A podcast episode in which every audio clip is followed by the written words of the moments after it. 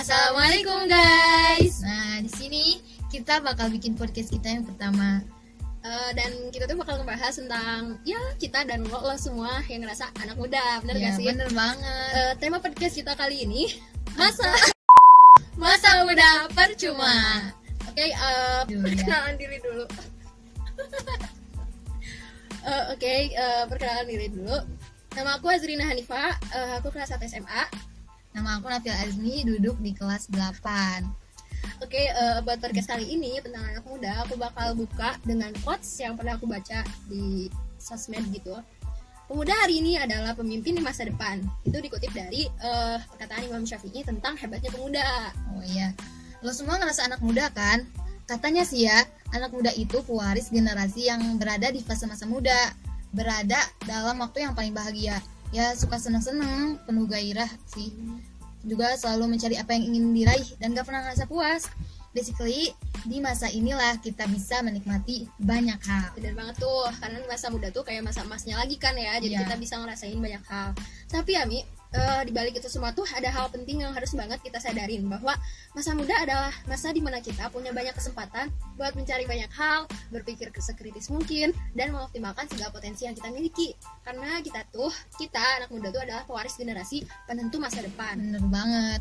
Nah, di sini kita juga bakal ngajak kalian buat sama-sama melek tentang permasalahan pemuda hari ini. Masalah kita itu beragam banget, mulai dari turunnya jiwa idealisme, meningkatnya jiwa apatis, turunnya moral, sampai penyalahgunaan narkotika, dan banyak lagi masalah pemuda lainnya yang harus kita hempas jauh-jauh di masa sekarang demi kebaikan masa depan. Bener kan, Kak? Bener banget tuh. Dan sejarah tuh udah banyak banget mencatat tentang kiprah anak muda atau yang biasa disebut sebagai pemuda yang punya semangat dan daya juang tinggi. Ada Muhammad Al-Fatih sang penakluk Konstantinopel, ada Zaid bin Sabit yang jihad di usia 13 tahun, ada juga Mus'ab bin Umair dengan karakter diplomasinya, ada B.J. Habibie dengan inovasi pesawatnya, ada Jenderal Sudirman dengan perwiranya, atau di zaman modern sekarang tuh ya ada Belva dan Iman Usman dengan ruang gurunya, juga ada Rio Haryanto dengan gelar duta anti narkoba sekaligus pembalap internasional Oh wah ya pembalap internasional yang waktu itu ya yang Iya. ah keren banget tuh Indonesia banget apresiasi tuh. banget. Nah buat kita kita yang sama-sama muda kita gak harus sama kayak mereka tapi mereka tuh cukup dijadiin inspirasi buat kita. selebihnya kita yang ciptain sendiri apa mimpi kita perjalanan dan caranya seperti apa inovasi eh, inovasinya apa adalah hak kita buat menggoreskan pena sejarah kita masing-masing sebebas mungkin dan juga Sehebat mungkin. ya Nah gini deh pemuda sekarang tuh pasti gak jauh dari yang namanya gadget ya kan nih. ya bener banget Dan lo pasti ngedengerin podcast ini nih pakai gadget kan? Nah kira-kira apa sih prioritas kita ketika punya gadget Apa cuma buat ngehidupin medsos buat bikin TikTok atau buat playing game? I don't know lah ya. Tapi intinya media gadget itu punya pengaruh besar kalau kita bisa manfaatinnya dengan baik loh. Nah, misal ya, misal lo berkarya, maka dengan mudahnya karya lo bisa dikenal sama orang-orang dari berbagai daerah, bahkan bisa aja sampai mancanegara. Atau lo bikin konten di Instagram lah atau di YouTube, terus digebiarin tuh sama temen-temen lo. Bisa jadi kebanggaan buat diri diri lo sendiri kan? Ya, nggak apa-apa sih kalau emang masih sepi kontennya. Apa gimana lah. Seenggaknya kita bisa ngasih manfaat meski sedikit. Kita dan lo, lo yang ngerasa anak muda, kita punya peran penting banget buat masa depan. Kita juga adalah agent of change di masa depan. change ya. Kita adalah agent of change di masa depan. Masa muda inilah saatnya kita memuaskan diri kita dengan hal yang bermanfaat buat orang lain, Orang sekitar, buat doi juga, nah buat orang banyak, dan yang terpenting adalah buat masa depan lo sendiri. Gitu sih dari kita emang singkat banget podcast Ya. kita Eh, karena ini tuh podcast pertama kita. Masih belajar kita juga ya. Ya dan mohon maaf kalau kita banyak salah. Ya. Oke, sekian. dari kita eh Terima dari kasih. kami ya Terima kasih. Makasih. Sampai jumpa lagi. di podcast selanjutnya Dadah.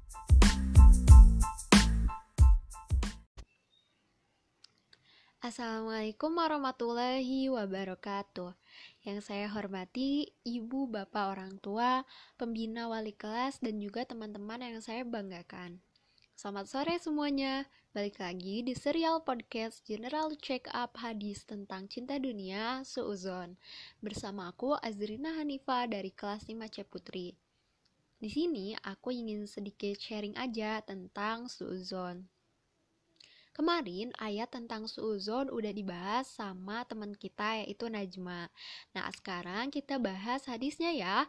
Tapi sebelum itu aku mau ceritain sebuah kisah tentang suuzon atau prasangka buruk. Kita dengerin baik-baik ya. Syahdan. Pada suatu hari di kereta api, ada seorang pemuda bersama ayahnya duduk berdampingan. Pemuda itu berusia sekitar 24 tahun dan sudah bisa dibilang cukup dewasa. Dalam perjalanan, pemuda itu tampak antusias memandang keluar jendela kereta. Katanya, "Ayah lihat, pohon-pohon itu sedang berlarian," kata pemuda itu dengan riang. Sepasang anak muda yang duduk di depannya melihat itu dengan heran dan kasihan. Bagaimana tidak, untuk anak seusia pemuda itu, kelakuannya begitu kekanak-kanakan. Namun, seolah tak peduli, pemuda itu kembali berkata dengan antusias pada ayahnya. Ayah, lihat lagi, awan itu sepertinya mengikuti kita, katanya. Sepasang anak muda di depannya itu tampak tak sabar dan akhirnya mengajak ayah pemuda 24 tahun itu berbicara. Maaf pak, kenapa anda tidak membawa putra anda ke seorang dokter yang bagus? Tegasnya. Sang ayah hanya tersenyum dan berkata, sudah saya bawa ke dokter, dan sebenarnya hari ini kami baru saja dari rumah sakit. Anak saya ini sebelumnya buta sejak kecil. Dia baru mendapatkan penglihatannya tepat hari ini. Sang pemuda itu pun tertegun. Nah, teman-teman, dari sini kita bisa bayangkan dong apa hikmahnya. Yap, bahwa prasangka itu belum tentu benar. Apa yang kita lihat, apa yang kita curigai, belum tentu itu yang benar. Terkadang kita itu apa ya selalu menjudge sesuatu dengan terburu-buru sampai kita lupa untuk tabayun. Dan hadis tentang larangan sifat suuzon berasal dari riwayat Bukhari bahwasanya Nabi Muhammad Shallallahu Alaihi Wasallam bersabda, jauhilah sifat berprasangka karena sifat berprasangka itu adalah sedusta-dusta pembicaraan. Dan janganlah kamu mencari kesalahan, memata-matai, janganlah kamu berdengki-dengkian, janganlah kamu membelakang-belakangi, dan janganlah kamu saling membenci. Dan hendaklah kamu semua wahai hamba-hamba Allah bersaudara. Hadis riwayat Bukhari. Nah, teman-teman, di sini tuh kita dianjurkan untuk apa ya menjauhi sifat prasangka artinya apa artinya ini tuh dilarang gitu dan kita itu apa ya setelah berprasangka cenderung untuk mencari kesalahan, memata-matai orang, terus kita bisa jadi saling dengki, saling membelakang-belakangi, saling membenci. Nah, alangkah lebih baiknya kita menjauhi sifat prasangka itu. Lalu katanya ada suuzon yang diperbolehkan. Emang ada? Ya, ada. Sheikh Abdul Aziz bin Bas mengatakan, maka yang menjadi kewajiban seorang muslim adalah hendaknya tidak berprasangka buruk kepada saudaranya sesama muslim kecuali dengan bukti. Ya mungkin memang ada ketika prasangka itu ada buktinya, tetapi bukankah lebih baik kita hindari saja? Karena bisa jadi prasangka kita itu berkepanjangan menjadi gibah dan lain-lain. Lalu, lalu bagaimana kalau kita sudah terlanjur melakukannya? Nah, ini ada hadis lain nih. Dalam hadis sahih dari Anas bin Malik radhiyallahu anhu, Rasulullah bersabda, "Seluruh Bani Adam atau manusia itu banyak melakukan dosa, dan sebaik-baiknya manusia yang banyak melakukan dosa adalah yang banyak bertaubat." Hadis riwayat At-Tirmizi dan Ahmad. Ya, manusia itu tidak luput dari kesalahan, memang betul. Kadang kita uh, secara refleks berprasangka dulu ketika melihat seseorang berpenampilan A, melihat seseorang berkelakuan B. Namun, alangkah baiknya ketika kita sang pendosa ini melakukan taubat dan berusaha untuk tidak melakukannya lagi. Dengan apa? Ya, tentu saja dengan kita tidak menjudge seseorang secara langsung. Karena apa hak kita? Kita hanya manusia biasa yang sama-sama dicurigai orang yang sama-sama punya kesalahan dan kita pun belum tentu lebih baik dari orang yang kita sangka-sangka itu.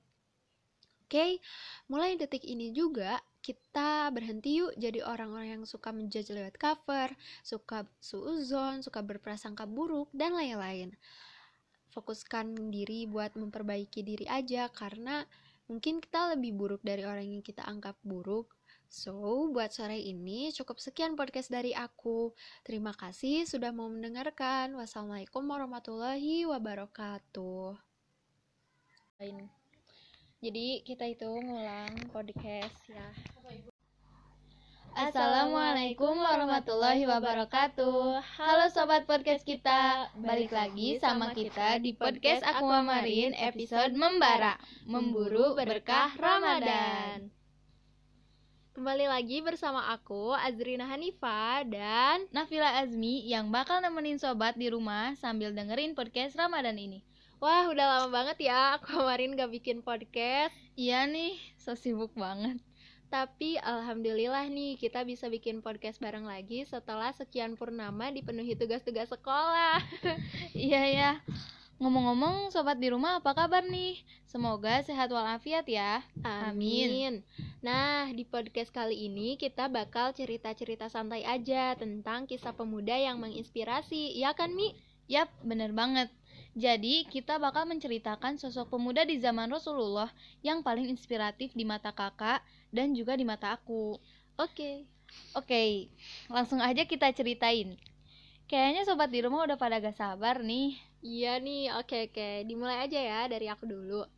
Jadi, uh, oh ya, sebelumnya sebut eh salah euy kalau Assalamualaikum warahmatullahi wabarakatuh Halo Sobat Podcast kita Balik lagi sama kita di Podcast Aquamarin episode Membara Memburu Berkah Ramadan Kembali lagi bersama aku Azrina Hanifa dan Nafila Azmi Yang bakal nemenin sobat di rumah sambil dengerin podcast Ramadan ini Wah udah lama banget ya Aquamarin gak bikin podcast Iya nih so sibuk banget tapi alhamdulillah nih, kita bisa bikin podcast bareng lagi setelah sekian purnama dipenuhi tugas-tugas sekolah. iya nih, ngomong-ngomong, sobat di rumah apa kabar nih? Semoga sehat walafiat ya. Amin. Amin. Nah, di podcast kali ini kita bakal cerita-cerita santai aja tentang kisah pemuda yang menginspirasi, ya kan Mi? Yap, bener banget. Jadi, kita bakal menceritakan sosok pemuda di zaman Rasulullah yang paling inspiratif di mata kakak dan juga di mata aku. Oke, langsung aja kita ceritain. Kayaknya sobat di rumah udah pada gak sabar nih. Haha, oke. Okay. Dimulai dari aku ya. Sobat di rumah pasti tahu nih sama sosok pemuda ini. Kayak raya, rupawan, dan hidupnya penuh kenikmatan. Suatu saat, ia memeluk Islam secara sembunyi-sembunyi karena ia tahu bahwa agama Islam adalah agama yang benar. Lalu, ibunya mengetahui hal tersebut dan sangat kecewa. Ibunya tidak lagi memberikan kenikmatan-kenikmatan materi seperti biasanya, bahkan menyiksa dirinya agar kembali ke agama nenek moyangnya. Namun, pemuda itu tetap teguh terhadap keimanannya, meski dirinya tidak lagi merasakan kenikmatan-kenikmatan seperti dulu. Wah, keren banget sih kegigihan pemuda ini. Wah, nama pemuda itu siapa, Kak? Ya, tebak dong siapa? Oh, aku tahu, aku tahu. Mus'ab bin Umair kan? Iya, nah itu tahu. Iya, baru ingat. Masya Allah. Pasti militansi terhadap Islamnya sangat besar ya, Kak? Iya, nah sekarang lanjut deh giliran Azmi yang cerita. Oke, oke. Kalau aku sih nggak usah pakai anonim-anonim dulu kayak kakak ya. Iya, iya deh. Sobat di rumah pasti tahu Ammar bin Yasir dong. Dia adalah sosok pemuda yang sangat tangguh jiwanya. Nah, setelah orang Quraisy mengetahui bahwa keluarga Ammar bin Yasir masuk Islam, mereka membawa kedua orang tua Ammar bin Yasir untuk disiksa dengan siksaan yang tak terukur oleh pelik oleh perik jangan dari mana ya dari sobat di rumah aja lah sobat di rumah pasti tahu Ammar bin Yasir dong dia adalah sosok pemuda yang sangat tangguh jiwanya Nah, setelah orang Quraisy mengetahui bahwa keluarga Amr bin Yasir masuk Islam, mereka membawa kedua orang tua Amr bin Yasir untuk disiksa dengan siksaan yang tak terukur oleh peri kemanusiaan. Keluarga Amr bin Yasir harus musur Kenapa sih? Dari keluarga aja ya. Kenapa iya, sih? Iya, Astagfirullah. Keluarga Amr bin Yasir harus murtad dari keislamannya jika ingin siksaannya dihentikan. Nah, sama seperti Mus'ab bin Umair, Ammar bin Yasir rela mengorbankan jiwa raganya demi keislamannya. Sungguh mulia keluarga itu sehingga Rasulullah menjamin mereka akan menempati surga. Masya Allah, wah Wah. betapa mulianya mereka. Aku aja dengernya kayak pingin terharu gitu. Kok bisa ya mereka rela mengorbankan segalanya demi Islam, tapi kita yang kehidupannya serba mudah, Islam diterima di lingkungan kita, tapi kita malah lalai gitu ya untuk mengabdi pada Islam. Iya kak, kok kita malah sebaliknya ya?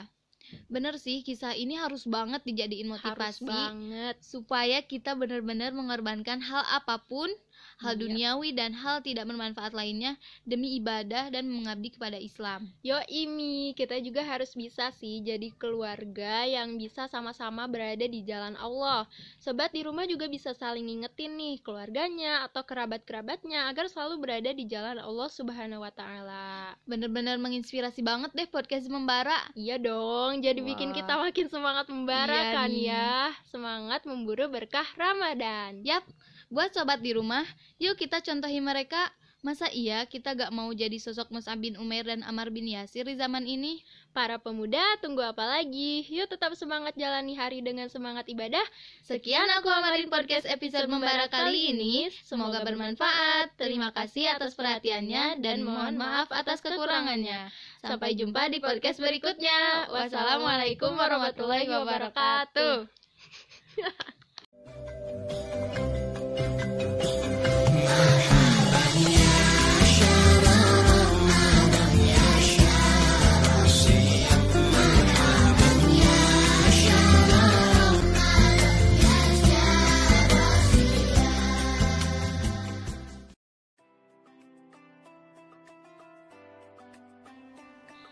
Assalamualaikum warahmatullahi wabarakatuh. Halo Sobat Podcast kita Balik lagi sama kita di Podcast Aquamarin episode Membara Memburu Berkah Ramadan.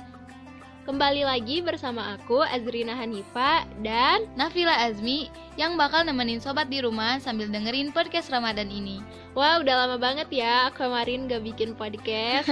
Iya nih so sibuk banget Tapi alhamdulillah nih kita bisa bikin podcast bareng lagi setelah sekian purnama dipenuhi tugas-tugas sekolah Iya nih ngomong-ngomong Sobat di rumah apa kabar nih?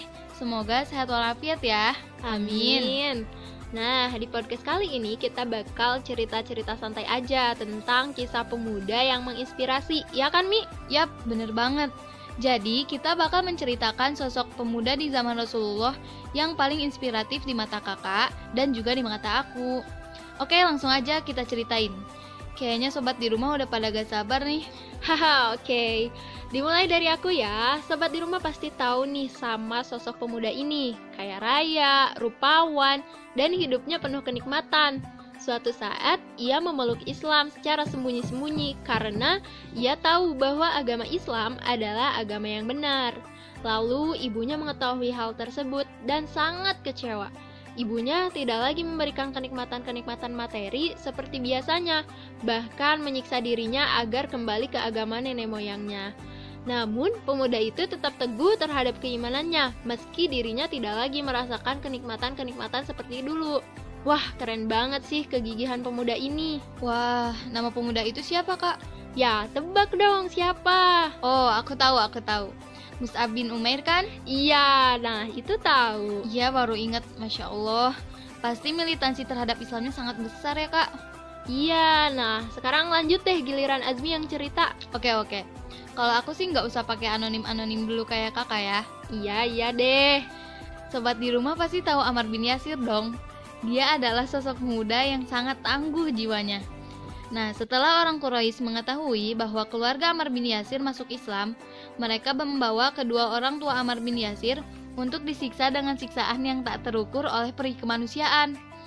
Keluarga Ammar bin Yasir harus murtad dari keislamannya jika ingin siksaannya dihentikan. Nah, sama seperti Mus'ab bin Umair, Ammar bin Yasir rela mengorbankan jiwa raganya demi keislamannya. Sungguh mulia keluarga itu sehingga Rasulullah menjamin mereka akan menempati surga. Masya Allah, wah betapa mulianya mereka. Aku aja dengernya kayak pingin terharu gitu. Kok bisa ya mereka rela mengorbankan segalanya demi Islam, tapi kita yang kehidupannya serba mudah, Islam diterima di lingkungan kita, tapi kita malah lalai gitu ya untuk mengabdi pada Islam. Iya kak, kok kita malah sebaliknya ya? Bener sih, kisah ini harus banget dijadiin Harus motivasi banget. supaya kita benar-benar mengorbankan hal apa pun, hal Iya. duniawi dan hal tidak bermanfaat lainnya demi ibadah dan mengabdi kepada Islam. Yo Imi, kita juga harus bisa sih jadi keluarga yang bisa sama-sama berada di jalan Allah. Sobat di rumah juga bisa saling ngingetin nih keluarganya atau kerabat-kerabatnya agar selalu berada di jalan Allah Subhanahu wa taala. Bener-bener menginspirasi banget deh podcast membara. Iya dong, jadi bikin Wah. kita makin semangat membara Iya kan nih. ya. Semangat memburu berkah Ramadan. Yap, buat sobat di rumah, yuk kita contohi mereka. Masa iya kita gak mau jadi sosok Mus'ab bin Umair dan Amar bin Yasir di zaman ini? Para pemuda, tunggu apa lagi? Yuk tetap semangat jalani hari dengan semangat ibadah. Sekian aku Amarin Podcast episode membara kali ini. Semoga bermanfaat. Terima kasih atas perhatiannya dan mohon maaf atas kekurangannya. Sampai jumpa di podcast berikutnya. Wassalamualaikum warahmatullahi wabarakatuh.